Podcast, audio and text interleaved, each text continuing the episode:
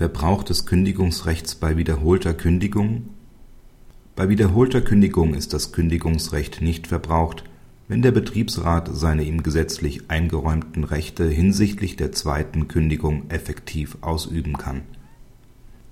Am 01.06.2004 erhält der Betriebsrat zwei Anhörungsschreiben über die beabsichtigte außerordentliche und ordentliche Kündigung des Arbeitnehmers der während Zeiten der Arbeitsunfähigkeit einer Nebenbeschäftigung nachgeht. Durch die Äußerung eines Betriebsratsmitglieds geht der Vorstand davon aus, dass der Betriebsrat der Kündigung zustimmt. Am 2.6.2004 kündigt der Arbeitgeber außerordentlich, hilfsweise ordentlich.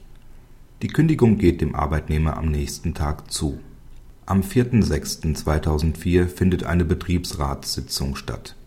Der Vorsitzende ändert auf den Anhörungsschreiben das Datum für die Empfangsbestätigung und die Unterschriftsleistung auf den 4.6.2004 und übergibt am selben Tag die schriftliche Stellungnahme dem Arbeitgeber.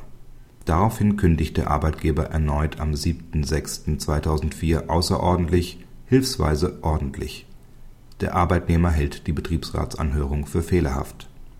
Arbeitsgericht und Landesarbeitsgericht halten beide Kündigungen für unwirksam das BAG schließt sich hinsichtlich der ersten Kündigung den Urteilen an, weil eine abschließende Stellungnahme des Betriebsrats nicht vorlag, so dass die Kündigungen mangels Einhaltung der Fristen des § 102 Absatz 2 Betriebsverfassungsgesetz gemäß § 102 Absatz 1 Satz 3 Betriebsverfassungsgesetz unwirksam sind. Hinsichtlich der zweiten Kündigung hält das BAG die Revision des Arbeitgebers für begründet und verweist den Rechtsstreit zurück. Trotz Zugang der ersten Kündigung ist das Kündigungsrecht des Arbeitgebers nicht verbraucht. Zwar entfaltet ein Anhörungsverfahren nur für die Kündigung Wirkung, für die es eingeleitet wurde. Das Kündigungsrecht ist daher nach Zugang der Kündigung grundsätzlich verbraucht.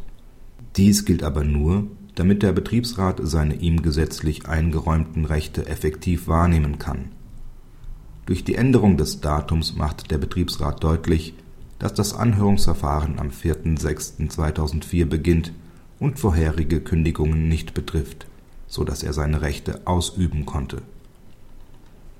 Praxishinweis Grundsätzlich ist der Betriebsrat vor jeder Kündigung anzuhören.